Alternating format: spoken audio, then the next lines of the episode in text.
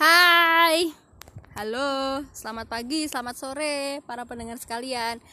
Jadi di sini tuh sedang syahdu banget. Kalau bisa divisualisasikan, kita tuh sedang berada di sebuah pemandangan yang itu tuh letaknya di pinggir sungai, yang sungainya itu indah banget gitulah. Suasananya syahdu banget. Terus pokoknya enak banget di sini di sebuah tempat di Muntilan, Magelang kita hari ini mau ngobrol-ngobrol sama teman kita dari pendidikan luar biasa. Kita ngobrolin soal pendidikan luar biasa itu bagaimana ya, seperti itu. Bareng sama seseorang yang spesial. Namanya Anissa Fitra Salsabila.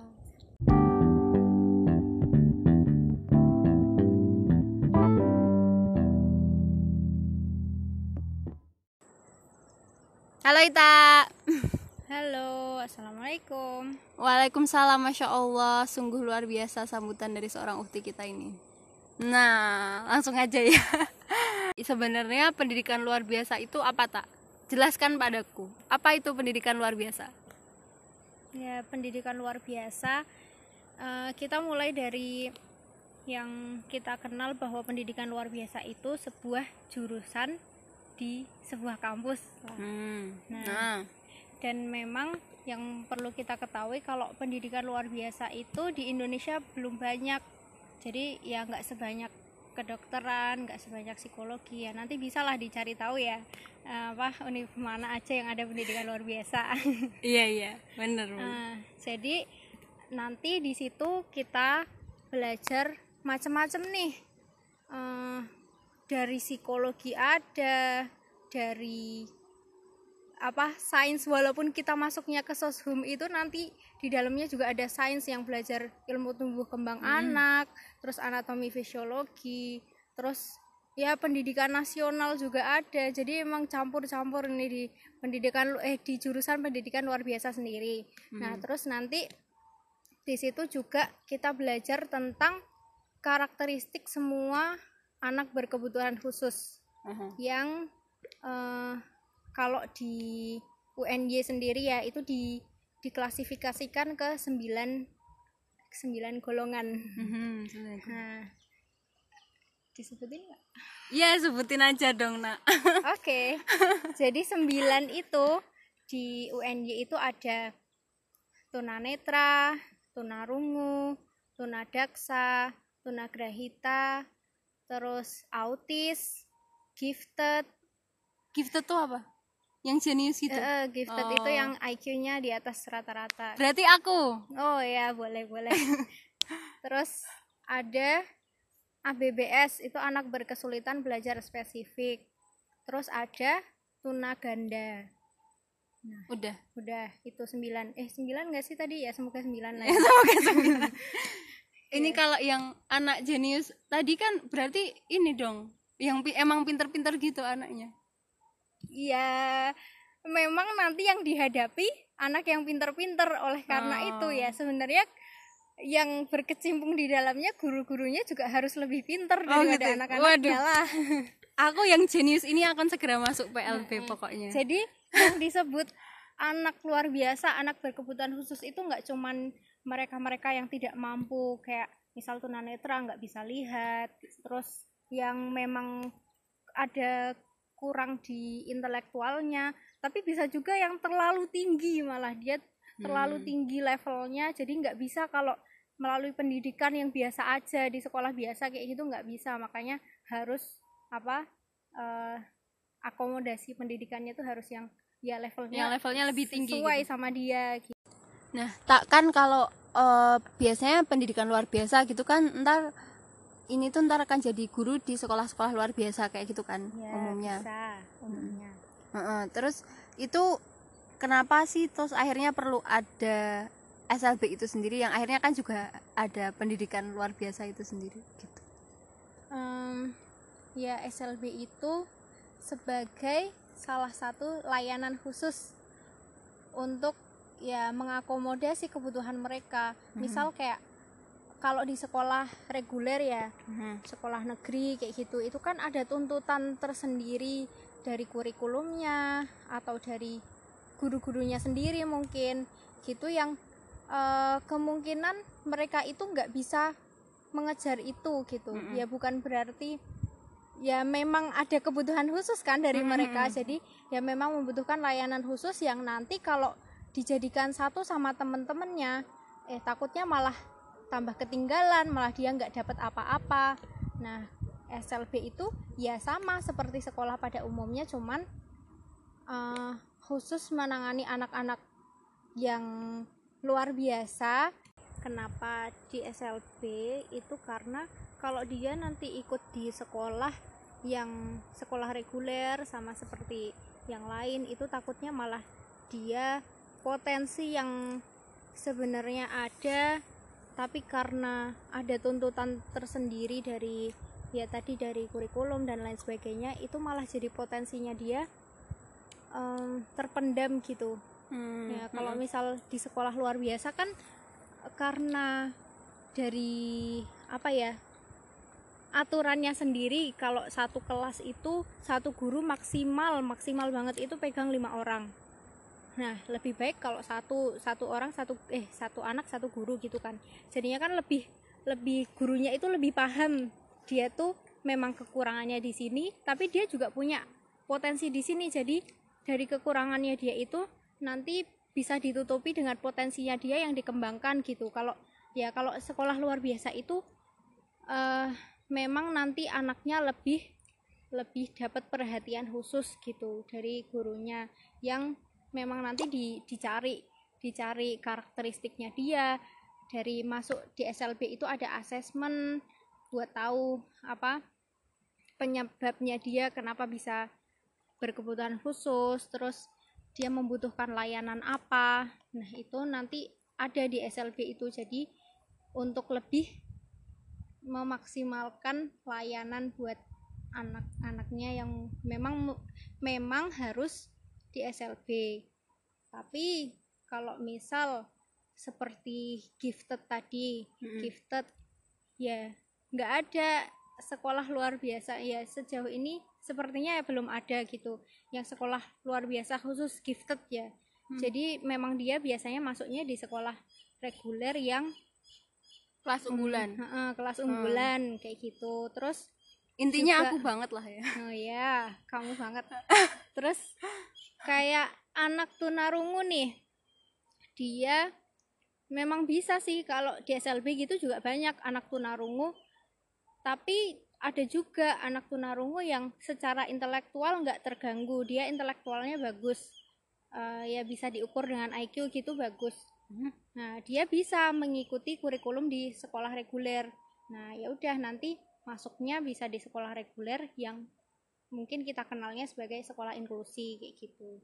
Tunanetra juga kayak gitu. Jadi memang nggak semua anak berkebutuhan khusus itu harus masuk SLB yang SLB itu ya memang yang kira-kira uh, benar-benar membutuhkan ya layanan khusus yang nggak bisa dijadikan satu sama anak-anak eh, di sekolah reguler kayak gitu.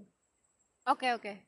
Hmm, kalau ini tak yang di Indonesia gitu, yang undang-undang yang mengatur tentang terkait sama pendidikan kayak SLB ataupun pendidikan inklusi ini tuh apa? Ada apa?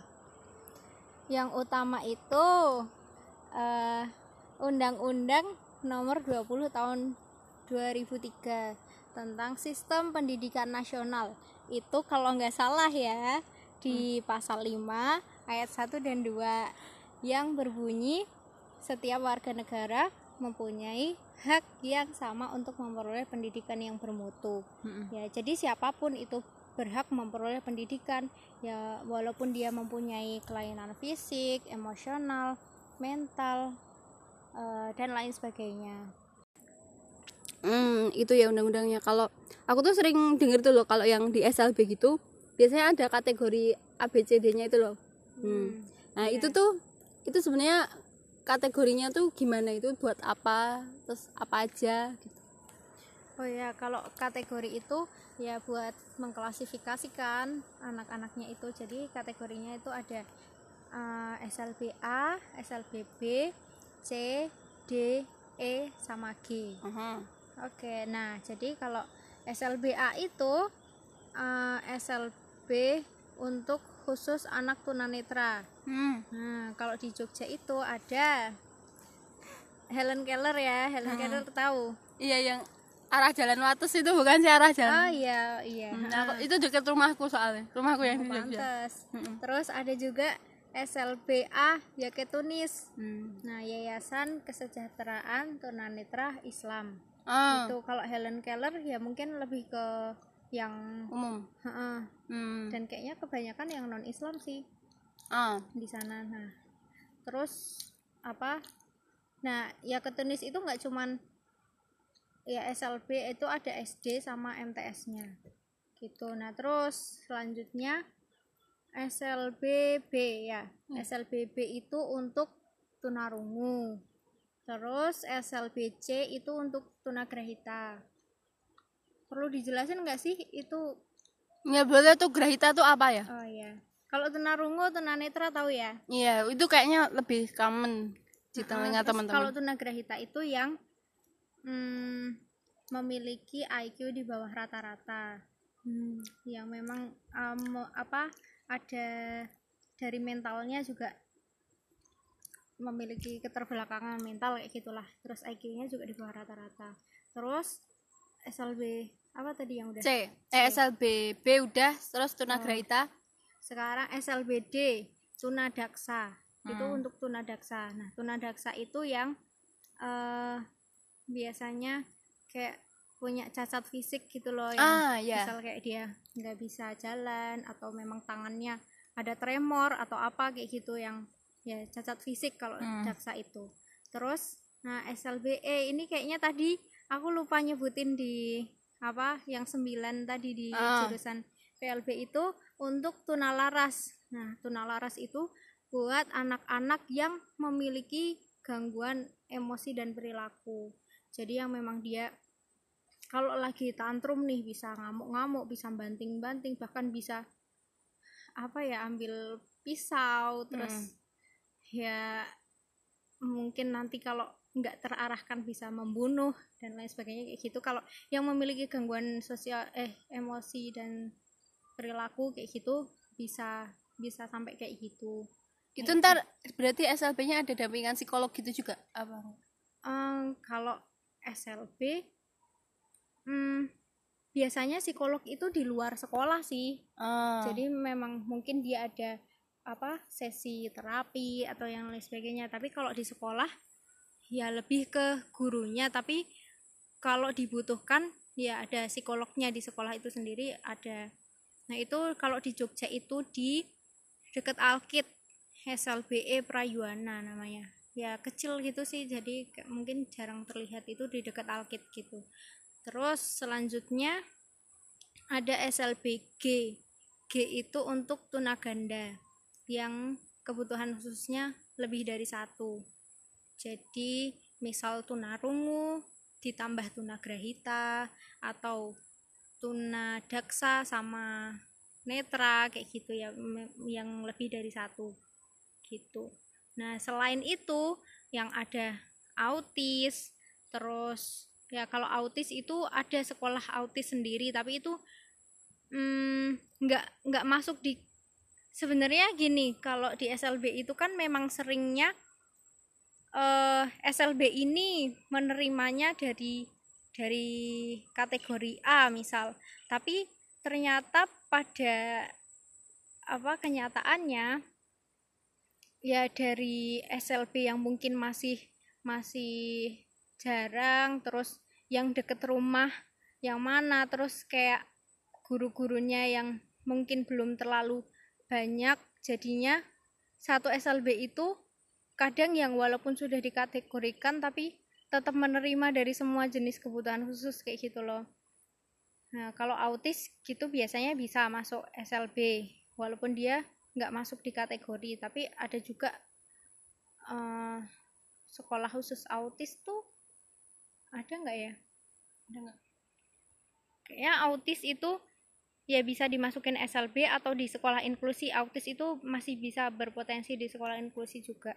Terus Hmm. kalau gifted ya gifted tadi yang yang di eh, sekolah yang di sekolah. unggulan. Heeh, unggulan. Terus kalau SLBF kok nggak ada kenapa? Nanti A B C D E, kenapa ya? Eh, kurang tahu juga sih. Dari sananya A, A B C D E G. Adanya itu apa jadi nanggung pak. Kenapa nggak ada F pak itu? Petinggi petinggi wahai. E F G iya kenapa F nya dilompatin ya? Iya itu ada sebuah pertanyaan besar iya itu misteri apakah ini konspirasi? Siapa tahu F itu ternyata Freemason Freemason apa sih? Oh, oh. oh oh udah udah. Udah. Itu berat nanti kalau ya kita bahas Illuminati gitu-gitu di lain ini selain episode episode lain. Apa ya? Wow ternyata banyak banget sih kategorinya.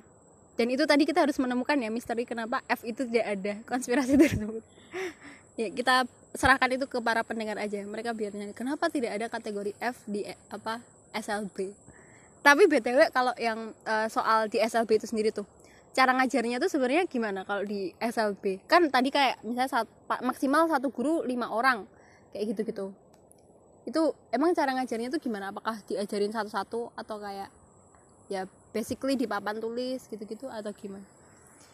Iya tergantung kebutuhan anak sih ya beda-beda. Kalau misal nanti anak tunanetra yang memang dia nggak ada hambatan di intelektualnya ya itu kan bisa jadi bareng-bareng gitu. Kayak em tunanetra mungkin lebih ke audio. Terus kalau iya. memang dia udah bisa braille ya nanti pakai braille kayak gitu. Terus ya udah pelajaran kayak biasa kurikulumnya ya seperti biasa. Kecuali kalau nanti ada apa hambatan intelektual kayak gitu ya kurikulumnya disesuaikan. Nanti misal dilihat dia kemampuannya misal umurnya udah di kelas 4 nih tapi ternyata setelah di asesmen kemampuannya kemampuannya dia masih sebatas kelas 2 SD ya berarti yang diajarkan harus itu dulu. Jadi harus diturunkan gitu loh ada penurunan apa eh, kurikulum kayak gitu ada yang kayak gitu terus ya nanti kalau tunanetra lebih ke audionya visualnya itu mungkin buat yang low vision yang memang masih ada sisa-sisa penglihatan kayak gitu terus kalau tunarungu ya lebih ke audionya dan audio itu harus disertai kayak subtitle atau bahasa isyarat kayak gitu Iya. Mm. Heeh. nah kalau tunarungu itu eh di Jogja ada karena Manohara. Itu juga Manohara siapa? Itu SLB swasta. Apakah punya Manohara? Hah, eh, sepertinya tidak. Nggak tahu ada hubungan nggak ya mereka. Em, itu khusus buat tunarungu dan kalau sekarang kan ya banyak gitu yang oh berarti PLB itu diajarin bahasa isyarat ya gitu. Mesti bisa bahasa isyarat ya. Memang diajarin cuman apa tergantung nanti dipraktekkan apa enggak ya. Kalau Hmm. ke- nggak dipraktekkan juga mesti Lupa. cepat lupa kayak gitu. Nah kalau di Karna Manohara itu eh, mereka malah nggak diarahkan ke bahasa isyarat. Jadi lebih ke oralnya. Jadi gimana caranya dia bisa mengeluarkan suara dan nanti ketika orang ngomong itu dia bisa membaca gerak bibir dan paham gitu loh. Jadi ya karena nggak semua orang bisa bahasa bahasa isyarat jadinya untuk mengatasinya ya dia pakai oral gitu. Jadi membaca gerak bibir kayak gitu. Apa ya untuk lebih mempermudah komunikasi sama yang lain juga kayak gitu. Nah jadi memang ya macam-macam sih. Terus apa Oh, i- ini ya itu apa yang aku pernah dengar yang itu kayak terapi wicara gitu itu. Nah, ya terapi bicara itu nanti apa dia disuruh a i u e o gitu harus mengeluarkan suara buat a itu dia. Dia dia tahu suaranya dan tahu hurufnya. Terus eh kalau tunarungu tuh aku pernah observasi.